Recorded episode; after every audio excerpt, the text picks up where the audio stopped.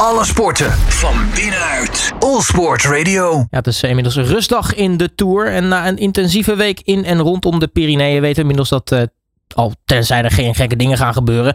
We ons mogen gaan opmaken voor een tweestrijd tussen Jonas Vingegaard en Tadej Pogacar. En in die tweede week gaat het hoe dan ook vuurwerk worden. Met zeker aan het eind drie stevige bergetappes. Ik ga erover in gesprek met uh, Raymond Kerkhoffs van Wielerflits. Raymond, hele goede middag. Goedemiddag. Ja, hoe is het daar? Ja, het is natuurlijk een fantastische strijd wat we de afgelopen dagen hebben gezien. Uh, we zijn uh, acht dagen onderweg en we hebben al vier keer een uh, hard duel gezien tussen de Tadej Pogacar en Jonas Vingegaard. Dat is ongekend voor de Tour. Het is absoluut geen traditionele aanloop waarin je eigenlijk normaal in een Tour de France in de openingsweek vooral sprintersritten hebt. Nu hebben we al drie gebergtes zitten achter de rug. Eerst zaten we in het Baskeland, vervolgens in de Pyreneeën en gisteren uh, was de finish op de Puy de Dôme in het Centraal Massief. Ja, en ik moet zeggen, juist omdat die twee renners aan elkaar zo gewaagd zijn, hebben we wel vuurwerk gezien.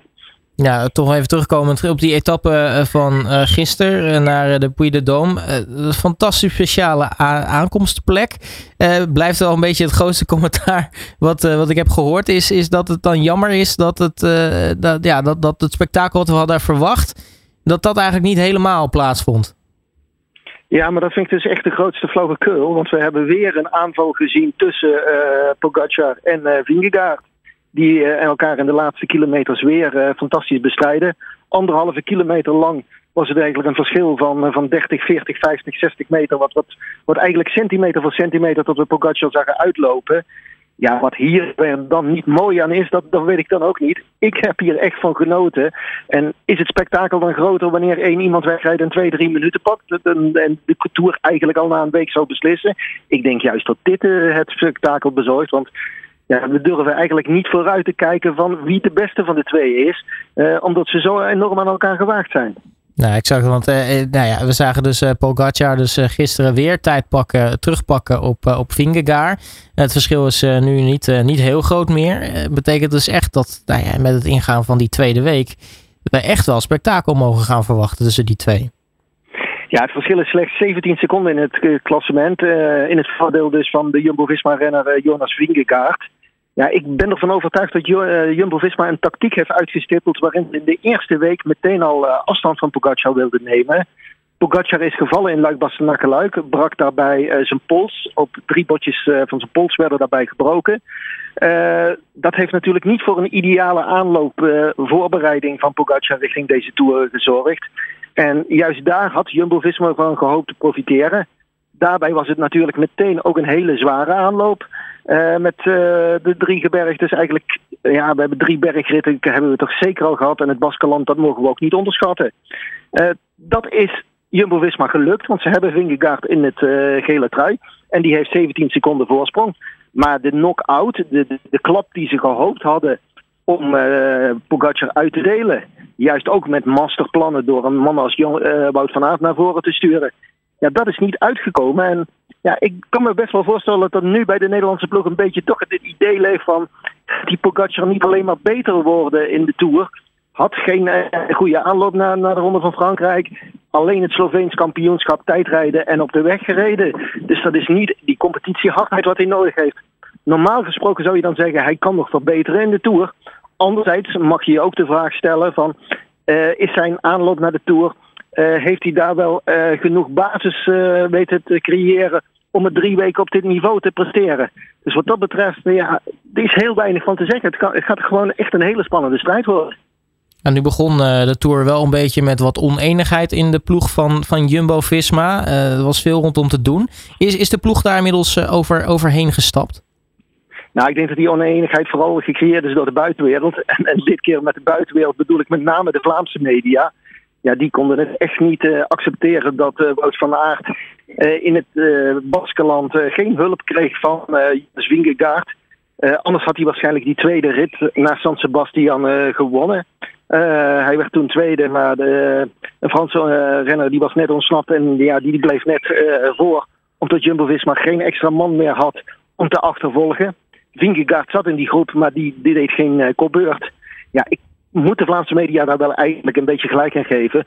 Want uh, als Vingegaard zich daar 400, 500 meter op kop had gezet, dat was, waren echt niet de inspanningen waarmee hij deze Tour ging verliezen.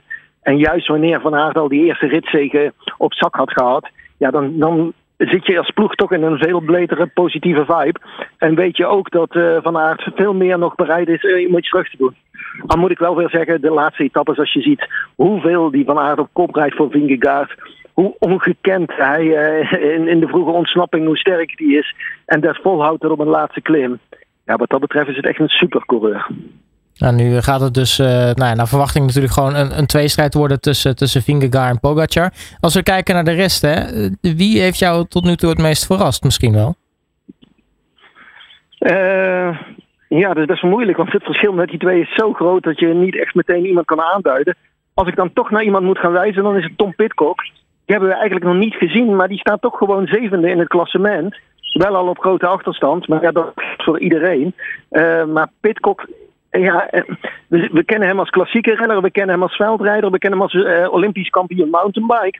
Vorig jaar won hij de rit naar La Alpe maar reed hij geen klassement in de Tour. Nou, dit jaar gaat hij toch bewijzen dat het ook een klassementsrenner is. En dat mag toch wel een verrassing worden genoemd.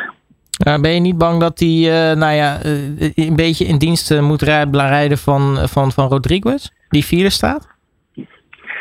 dat zal wel kunnen, dat zal een rol gaan spelen. Maar ik denk dat het Ineos, ze weten dat ze geen wapen hebben, geen renner hebben die tegen die twee op kunnen. Die tegen Pogacar en Vingegaard op kunnen. Dus ik denk wel dat zij gaan proberen om zoveel mogelijk mensen van voren te houden. Om dan één keer toch misschien het geluk te hebben in een lange ontsnapping waarbij Jumbo-Visma en UAE Emirates naar elkaar gaan kijken. Ja, en dan misschien toch profiteren van de oneenigheid. Ja, dan uh, klinkt het misschien een beetje afgezaagd. Maar als twee honden vechten om een, uh, om een been, dan uh, puntje, puntje, puntje. Hè? Ja, en, en daarnaast, ja, Ineos Grenadiers is natuurlijk het, het, het, het, voormalige Team Sky. als we iets weten van dat team, is dat het, nou ja, het niet altijd zeker is dat als er één renner bovenaan staat, dat de, de nummer twee daarvoor in dienst gaat rijden. Ja, maar dan ga je, wijs je terug naar het verleden. En met name dan uh, de Tour. Dat ze voor het eerst uh, de Ronde van Frankrijk in 2012 wonnen. Elf jaar geleden. Bradley Wiggins en Chris Froome. Ik denk tenminste dat je daarop duidt, hè? Ja, ja. Daarna hebben ze zeven keer de Tour gewonnen in totaal. Dus wat dat betreft uh, denk ik niet dat je bij dat ene voorval moet blijven stilstaan. En ja, ze, ze, ik denk juist op het moment dat iemand in die ploeg zou ruiken dat ze de Tour kunnen winnen. Ja, tot iedereen zo gedreven is. Want ja, daar zouden ze nooit rekening mee hebben gehouden. Want omdat die achterstand richting Pogacar en richting uh, zo groot is. Ja, wat, we eigenlijk ook zien is, is dat beeld wat we het hele seizoen al zien. Uh, zes renners uh, zie ik dit jaar die, als ze ergens aan de start staan, ook echt met kop en schouders boven de rest uitsteken. Vingegaard en Pogacar hebben we dan. Als je vooral naar het klassieke terrein gaat kijken, Wout van Aert en Mathieu van der Poel dusver zijn zij ook in de Tour. Maar blinken zij vooral uit in een dienende rol voor een andere renner binnen hun ploeg. Ja, en die andere twee zijn uh, Primoz Roglic en uh, Remco Evenepoel. Die waren alle twee in de Giro gestart. En die zien we helaas niet in de Tour. Maar deze zes renners die, die drukken echt zo een enorm stempel op het seizoen. Ik heb dat zelden meegemaakt. Als we nog even kijken naar uh, de week die er aankomt. Uh, we hebben dus uh, vandaag een rustdag. We gaan daarna, dan krijgen we wat heuveletappes, een sprintetappe. Maar ja, de laatste drie dagen van deze week, dat, worden toch wel etappes die rood omcirkeld in je agenda moeten staan. Ja, zeker de rit naar de Grand Colombier. een berg in de buurt van Aix-les-Bains. echt, echt een hele lastige klim. We kennen die uit de Tour van 2020, toen uh, Primoz Roglic en uh, Tadej Pogacar daar wegreden bij de rest. Uh, Pogacar won die rit overigens. Ja, dat wordt eigenlijk wel de eerste volgende serieuze meting tussen die twee. anderzijds is het, gaan we heel veel heuveletappes in. Ja, en ik ben er nog niet zo van overtuigd wie van die twee ploegen nu echt de controle in, over het peloton wil hebben. Gaat Jumbo-Visma dat doen? Gaat UAE Emirates het doen? Volgens mij gaan ze ook wel naar elkaar kijken. En moeten we dan toch gaan uh, opletten voor lange ontsnappingen. Waarin uh, in één keer andere renners weer helemaal terug in het klassement kunnen komen. En we misschien ook uh, halverwege deze week een hele verrassende gele truidrager hebben. Ik denk dan bijvoorbeeld aan de Tour van Oscar Pereiro. Ja, die won in 2007 is dat inmiddels. Nee, ik moet nog verder. 2006 won die de Ronde van Frankrijk. Nadat, uh, dat hij via een monsterontsnapping die 15 minuten had, in één keer terugkwam in het klassement. Dus wat dat betreft uh, kan het wel een hele rare week gaan worden ook in deze Tour. Ja, en als er veel gebeurt, dan uh, blijft het natuurlijk altijd leuk en verrassend. We gaan het allemaal meemaken in die tweede week. Uh, Raymond Kerkhoffs uh, van Wielerflits, mag je hartelijk danken voor je tijd. En natuurlijk heel erg veel succes en plezier deze week. Graag gedaan. Alle sporten van binnenuit. All Sport Radio.